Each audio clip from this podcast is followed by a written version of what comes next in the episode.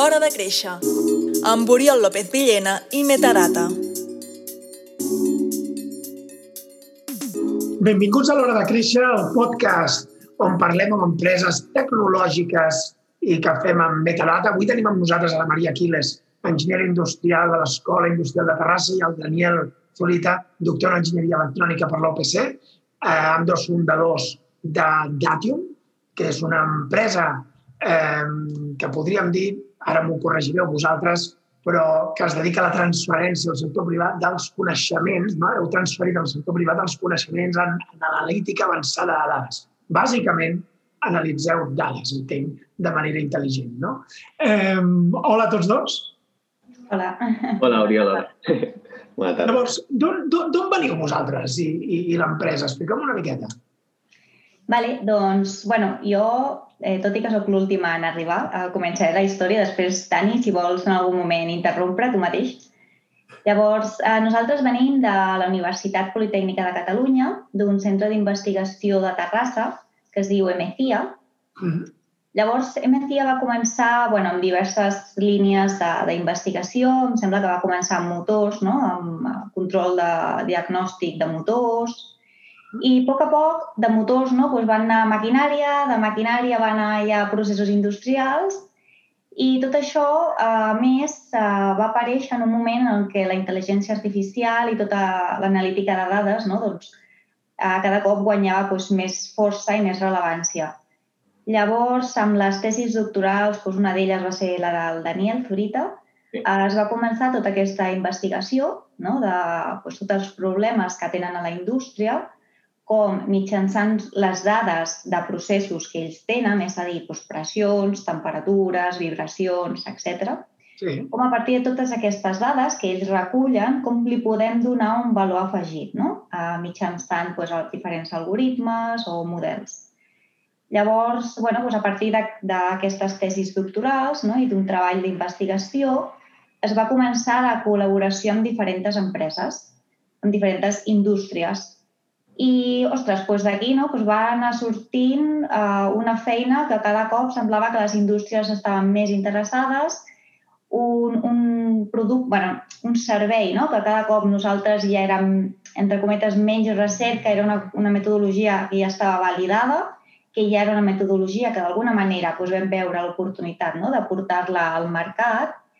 I doncs, mira, d'aquí se'ns va ocórrer la idea eh, que això bueno, ho va organitzar una mica a un altre fundador, que avui no és aquí, el Juan Antonio Ortega, que és professor de la UPC també, i va dir, nois, pues fem, què us sembla si fem una startup no? a partir de tota aquesta feina que hem fet entre tots i ho portem ja a l'empresa, però, no? però com, com, a, com una petita startup portem aquest servei. Molt bé. I bueno, i vam dir, adelante. I tant. Molt bé. I, i, i, I qui sou vosaltres? Què us agrada fora de l'empresa? Hi ha alguna cosa que, que destacaríem que diríeu, mira, jo, soc, jo sempre dic que jo soc tenista. Uh -huh. eh, vosaltres què sou? mira, si, si ho posem així, per exemple, a mi m'agrada molt jugar al pàdel, no? És la forma que cadascú té una forma de desestressar-se, la meva és el pàdel, no? Aquí jo crec que s'ha posat molt de moda. Exacte, sí, sí i crec que, mira, són pites petites, tens facilitat de fer-ho i al final amb quatre amics pots anar a jugar, no? Els del tennis ho patim, els del tennis ho patim. Ens van a pistes dels clubs i aneu entrant als del pàdel, sí senyor.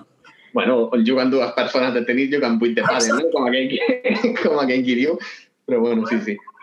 Jo, per exemple, també m'agrada molt jugar al pàdel i ara des de gener tinc una nova afició, que és el ioga. I la veritat és que m'encanta, sí, sí. A més a més...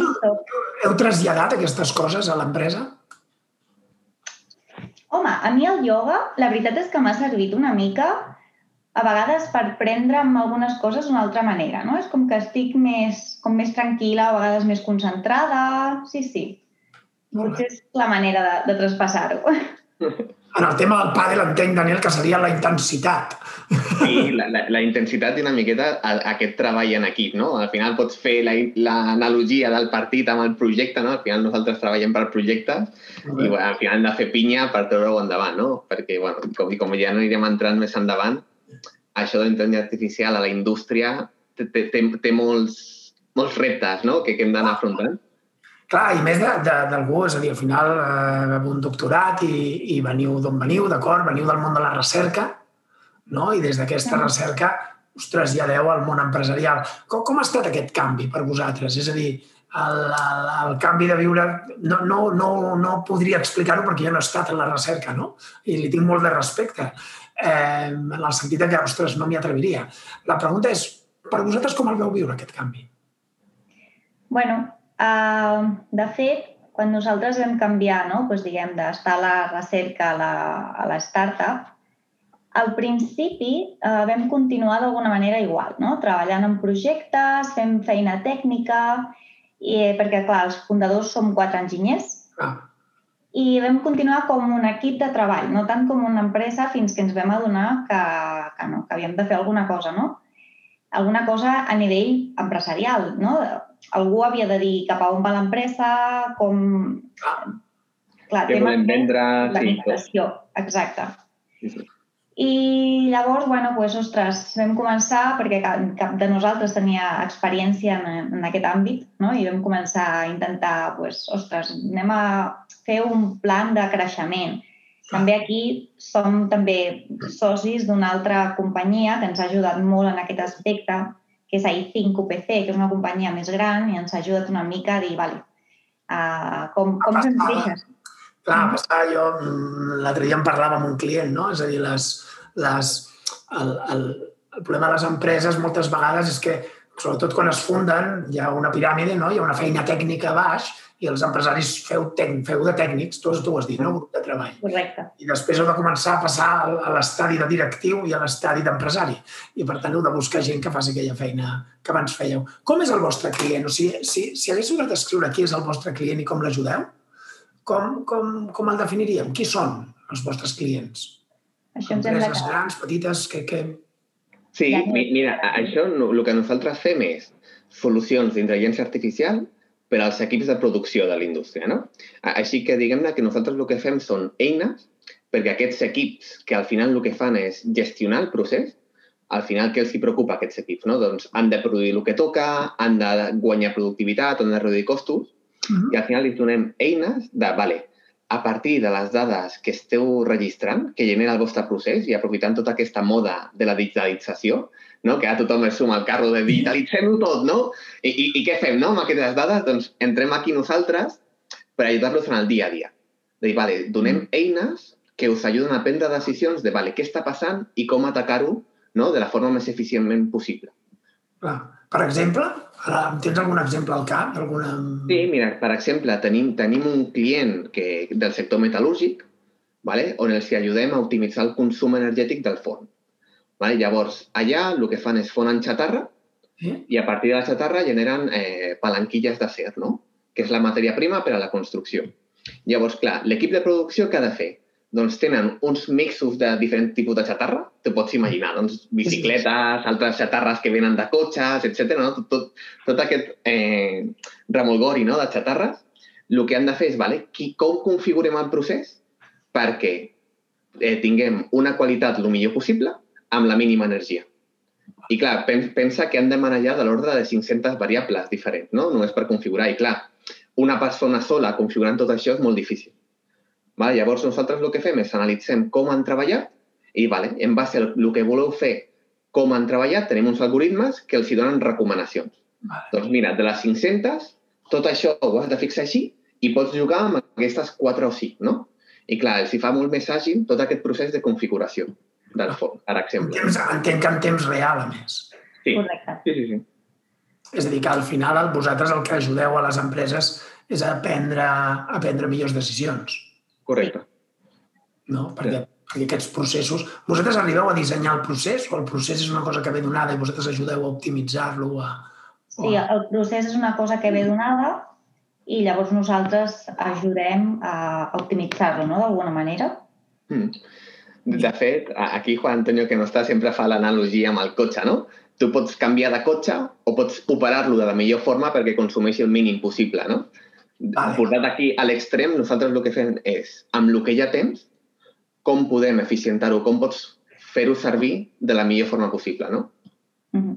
que l'exemple és molt clar quan parlem de, de coses senzilles, no? com una màquina, un motor, però clar, quan anem a processos industrials complets, tot és molt més complex, no? Intervenen moltes variables i, clar, s'escapa una miqueta del control de, de lo que una persona pot anar a veure, clar.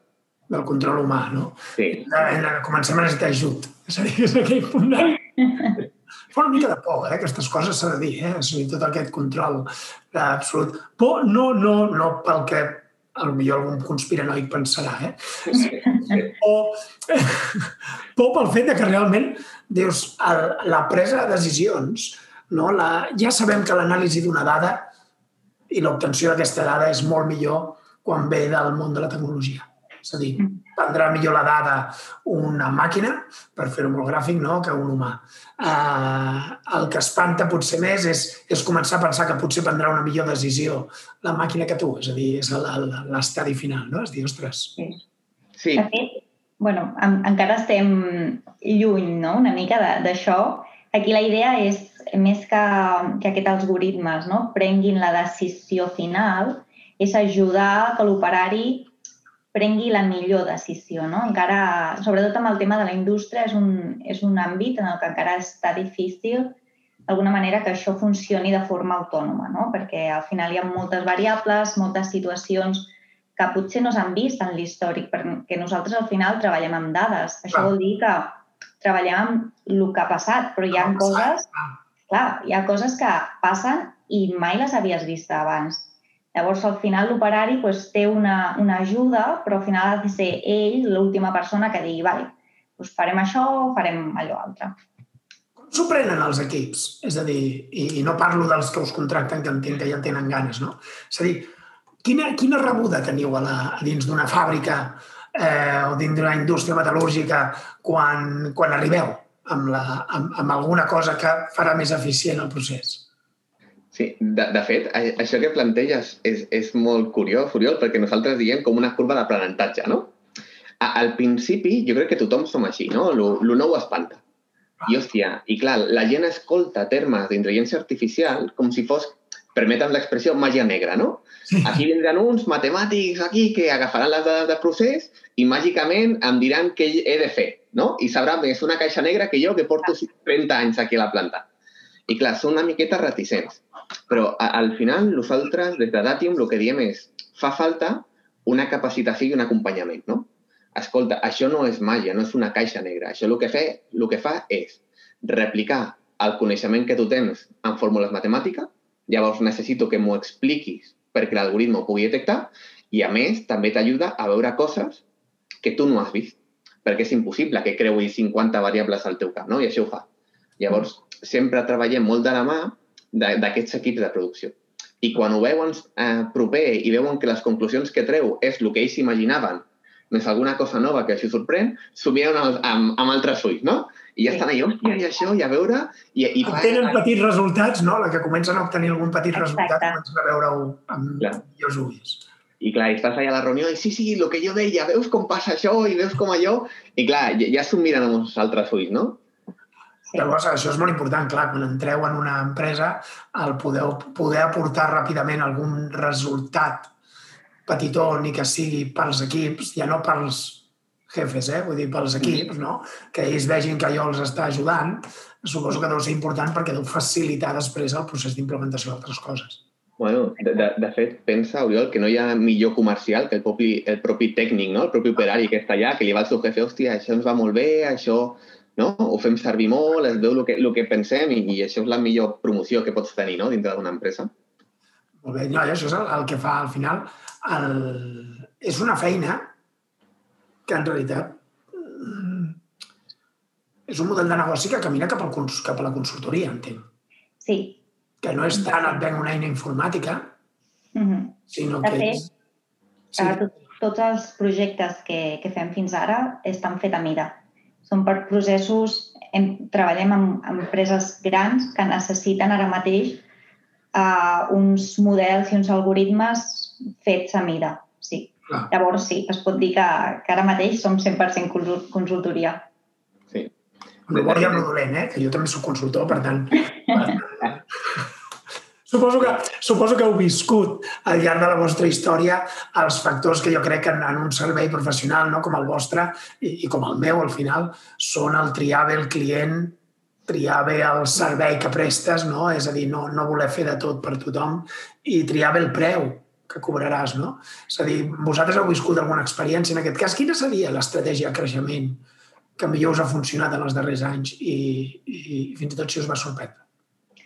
Sí, doncs eh, nosaltres, no, pues, al principi, quan vam començar amb la startup, la idea era que com al final pues, fèiem projectes a mida, vam dir, bueno, pues, eh, necessitem indústries, el nostre client àrea d'objectius són indústries grans, eh, de manufactura, amb gran volum de dades, amb processos que es pugui optimitzar fàcil l'energia, i vam dir, pues, anem a per totes les que hi hagin a Catalunya i properes. Llavors, què passa? Que per entrar en un sector nou, no? eh, que potser no tens molta experiència o, o cap, com pot ser, doncs m'ho invento, eh? imagina't, nosaltres veníem eh, de tot el que és el tema metal·lúrgic, no? I dèiem, ah, doncs aquesta és d'alimentària, anem allà. No és fàcil. No és ah. fàcil perquè, primer, ets una empresa jove, no? I, i segon, no, no tens el, no tens com... Ostres, has treballat per la competència, no? Has treballat per una empresa que jo conec o que fan el mateix. Llavors és, és més difícil. I quan vam veure que quan anàvem a les metal·lúrgiques, ostres, ens, ens escoltaven. No només ens escoltaven, sinó que ens compraven.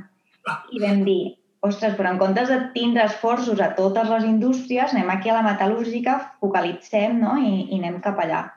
I, I sí, i llavors va, va funcionar millor, no? Bueno, això, és, això és clau, és a dir, el triar bé el client.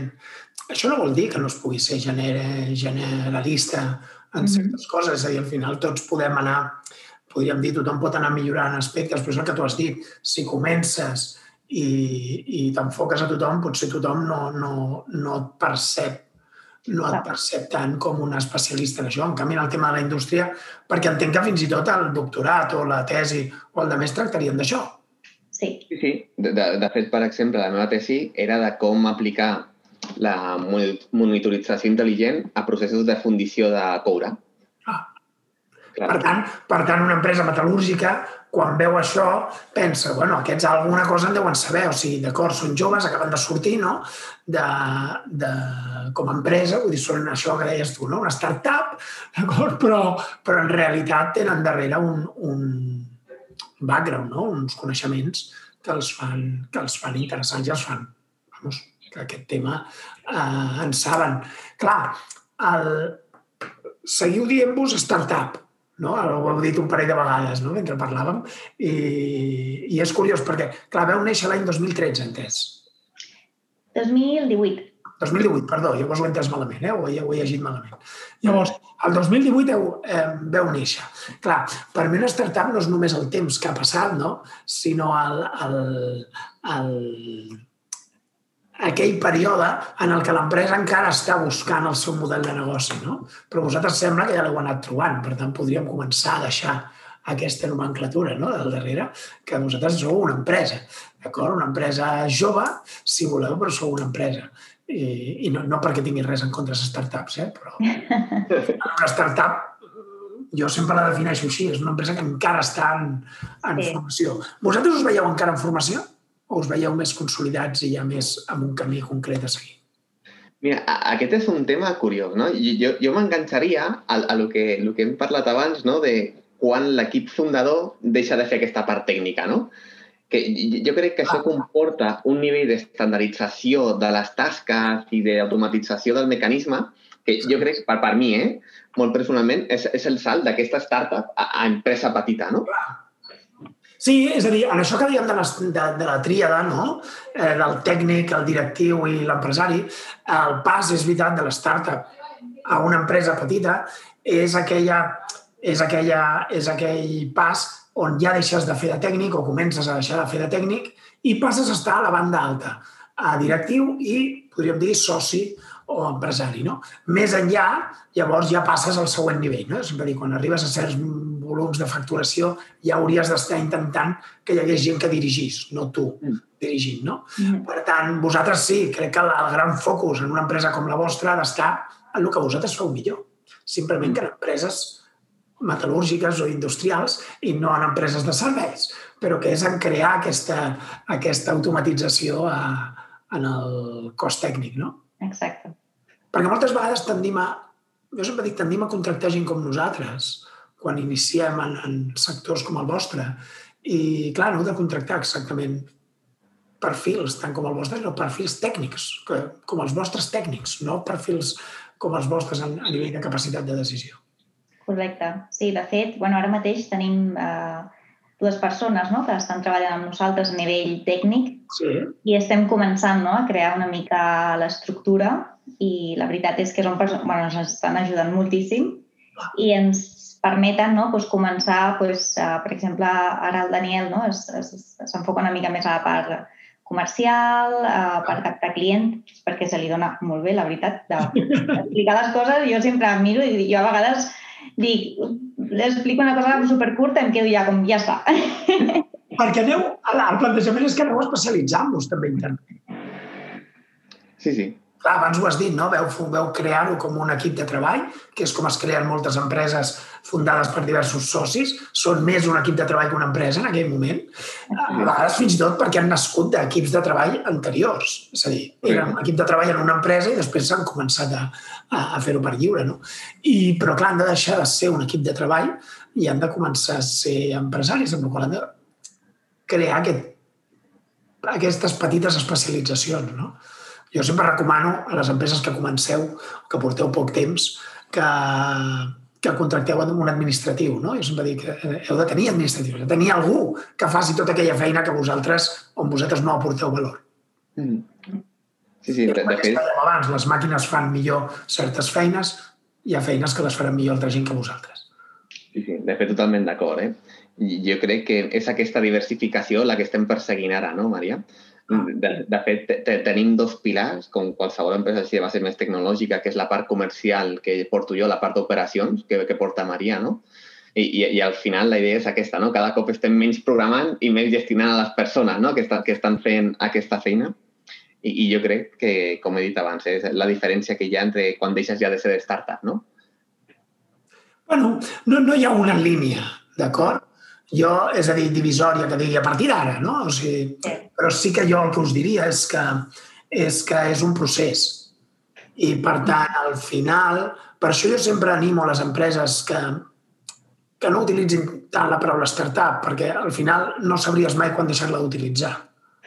Mm. Sí. I, I al final sou empreses, igual, no? És a dir, per tant, serà una empresa més jove o més, o més consolidada, però, però, però bueno, sí, ja entenc que, que a nivell de màrqueting moltes vegades ven molt el fet de l'startup. Eh? De fet, vosaltres, una de les coses que, que, que, que heu aconseguit no? és, és ser una d'aquestes, corregiu-me, no? però ser una d'aquestes 31 startups de tot el món per participar en un programa del, del govern basc que es diu Bain 4.0 i que, i que representa, representa un, un salt endavant, entenc, per vosaltres, no? Expliqueu-me sí. una mica què significa. Mira, de fet, aquest tipus de programa és molt interessant, no? perquè ja n'hi ha a l'actualitat molts programes d'acceleració, no? que, que al final el que venen és donar-te un cert suport i un mentoratge a la startup, però la particularitat d'aquest del Vine és que tu només pots, pots entrar si una corporate vol fer un projecte amb tu. Vale. Llavors, primer t'has de guanyar a la corporate i si la corporate et compra, llavors entres en el programa. No? Per això té, tant prestigi aquest Vine. T'has de, de guanyar el dret d'entrada. Correcte. Amb resultats concrets. I en aquest cas, una empresa confia en vosaltres, entenc. Sí, de, de fet, van aconseguir guanyar la confiança del grup de Tubos Reunidos, que estan allà al País Basc, que són també del sector metal·lúrgic, i, i la veritat és que hem aconseguit firmar dos projectes amb ells per poder entrar en el bany, i la veritat que estem molt contents. I per això, i, i el programa és molt bo, eh? de, de nivell d'acceleració, a nivell d'empenta que et donen, no? I... Vas, a, vas a un altre nivell, no és com anar al Dragon's Den o al, sí. Shark Tank, eh? Això és una altra història. Sí, per, per, perquè vulguis o no, ja t'obliga a tenir una relació comercial i tenir alguna que algú vulgui comprar, no? I que estigui disposat a, a pagar. Que jo crec que és algo molt important. No, jo crec que això és molt important. L'altre dia, mm, és a dir, llegia un article, no recordo qui l'escrivia, eh, però que parlava, de, parlava precisament del, del permís, d'obtenir un permís per podríem dir, interrompre o per participar o per estar-hi, no? I en aquest cas és això, és a, vegades per poder mantenir una conversa amb centres persones has d'haver demostrat abans que estàs al seu nivell. I en aquest cas és això, és a dir, vosaltres heu demostrat que esteu a un nivell prou alt com perquè algú confiï en vosaltres, de manera que podeu estar en aquell, en aquell projecte. Llavors, en els propers temps, tenint en compte que el tema de la indústria 4.0, la intel·ligència artificial, tot això està tan de moda, podríem dir, eh, quina és la vostra prioritat? O sigui, on, on centraríeu el, el, on posaríeu el focus, en el vostre cas? Què us diuen les dades? Doncs, eh, bueno, de, de cara a un futur, no, la nostra prioritat seria acabar de, de consolidar-nos dins de, del sector metal·lúrgic, guanyant potser una mica més de mercat, no només a Catalunya, sinó doncs, eh, més per, per, per Espanya.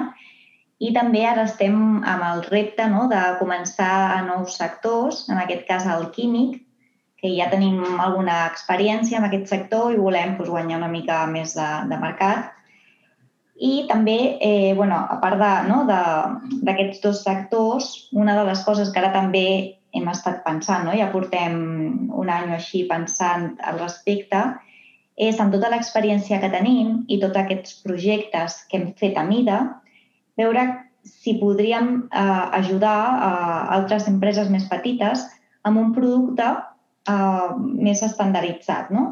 Ah. És a dir, Uh, clar, ara fem projectes molt grans, amb molt de risc, per a empreses grans que s'ho poden permetre, no?, d'alguna manera, però empreses més petites potser no, no tenen no? Aquest, aquest, no poden permetre's això i potser amb, amb, una, amb una solució estàndard més senzilla els hi, podria, els, els hi podríem ajudar, no?, d'alguna manera. Mm. Per tant, quan, bueno, ara anava a dir la paraula risc, que no és ben bé risc, no? però, però en realitat quan penses en això eh, entres a vegades en el, en el món, podríem dir, del software o no? No és ben bé això? Sí, de fet, sí. No sé, Dani, si vols afegir alguna cosa. Sí, a, al final també el vol, Oriol, és que hi ha molts models nous, no? Tens el software as a service, que també pot ser com un servei de subscripció. Sí, sí, hem parlat alguna vegada aquí, sí, sí per algun model que els ajudi a tractar les seves dades, no? O n'hi ha, ha, alguna, hi ha altres models nous també de plataformes, al núvol i tot això, no? Ho estem explorant.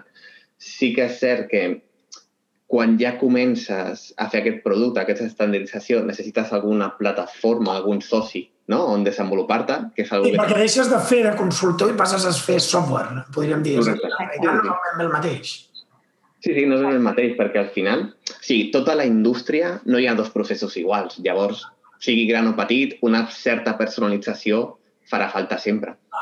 Però clar, és com deia Maria, al final és reduir-ho a, vale, on podem aportar no, aquest MVP, no? Podem aportar valor a aquestes empreses més petites amb el mínim no, de personalització i és una que li estem donant aquí una volta.